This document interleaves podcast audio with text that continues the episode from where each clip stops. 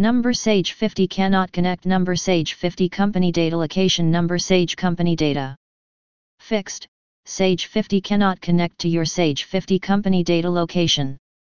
If you are using a Sage 50 account, and Sage 50 cannot connect to your Sage 50 company data location there may be several reasons why this is happening. Maybe the network administrator has blocked access to the port on your server where the data is located. Or the password for the data location may not be correct.